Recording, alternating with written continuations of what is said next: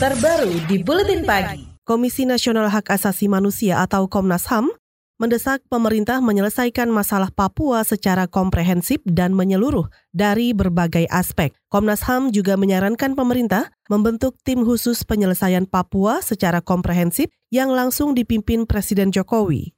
Ketua Komnas HAM Ahmad Taufan Damanik mengatakan, Presiden harus tampil di depan dalam penyelesaian Papua dan tidak selalu menggunakan pendekatan keamanan. Kita mendorong supaya presiden yang mengambil peran di depan. Bentuk lembaganya seperti apa terserah. Kan ada yang mengusulkan kan special envoy misalnya. Tapi juga ada yang mengusulkan misalnya satgas khusus. Terserah aja. Tapi maksud kita, presiden harus tampil lebih di depan, mengambil inisiatif yang lebih besar dibanding yang selama ini. Gitu. Selama ini kan dia datang sana simbolik ya, berkunjung. Itu kan juga simbolik.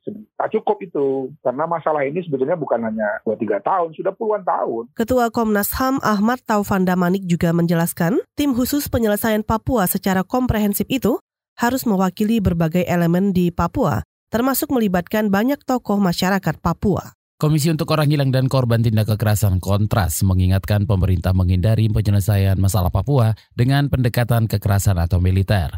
Kepala Divisi Advokasi Kontras Arif Nur Fikri menyebut dialog merupakan cara penyelesaian terbaik karena masalah di Papua sangat kompleks. Dari masalah kesejahteraan sosial, ekonomi, pendidikan, penegakan hukum dan HAM, dan lain-lain. Makanya uh, harus ada komunikasi atau dialog bukan bukan bukan malah justru uh, mengirimkan atau mendrop pasukan gitu kan. Padahal kan pemerintah mengatakan bahwa kondisi Papua sudah kondusif tapi yang jadi pertanyaan logikanya kalau memang sudah kondusif kenapa harus mendrop pasukan gitu kan? Kepala Divisi Advokasi Kontras Arif Nur Fikri menambahkan insiden pengepungan dan kekerasan di asrama mahasiswa Papua di Surabaya dan Malang merupakan pemicu yang membuat masyarakat Papua mengekspresikan kekecewaan dengan aksi pembakaran. Arif menyerukan agar pemerintah segera menjalin komunikasi melalui dialog dengan tanpa mengirim pasukan keamanan.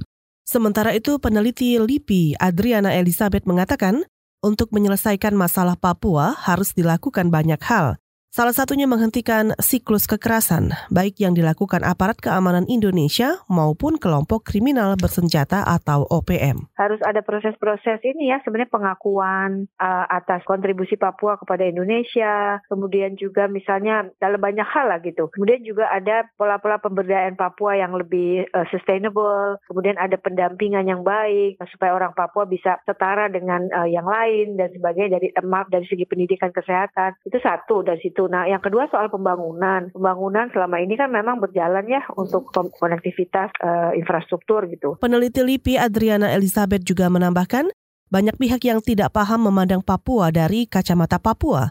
Banyak pihak yang merasa tahu Papua, tapi sebenarnya tidak paham sama sekali atas apa yang Papua rasakan dan inginkan.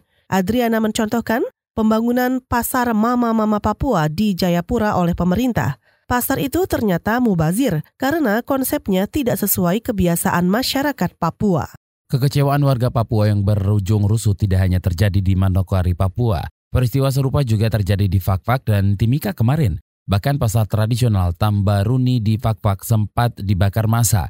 Suasana mereda menjelang malam tadi. Pendeta Gereja Kristen Protestan Bali Masa Depan Cerah di Fakfak Hasiholan Simanjuntak menuturkan meski sudah tidak ada konsentrasi massa, tapi warga dan aparat masih terus berjaga-jaga. Masyarakat sih masih berjaga-jaga, toko-toko masih pada tutup, ya polisi, tentara sudah berjaga semua. Tapi sudah kondusif, sudah tidak ada orang yang demo, semuanya sudah aman. Cuman pasar aja ya, sempat dibakar tapi sudah dipadamkan sama beberapa warung, tapi sudah dipadamkan. Pendeta Gereja Kristen Protestan Bali Masa Depan Cerah di Fakfak, Papua Barat, Asiolan Simanjuntak mengatakan sejak kemarin sore akses koneksi internet di Fakfak juga sudah normal kembali.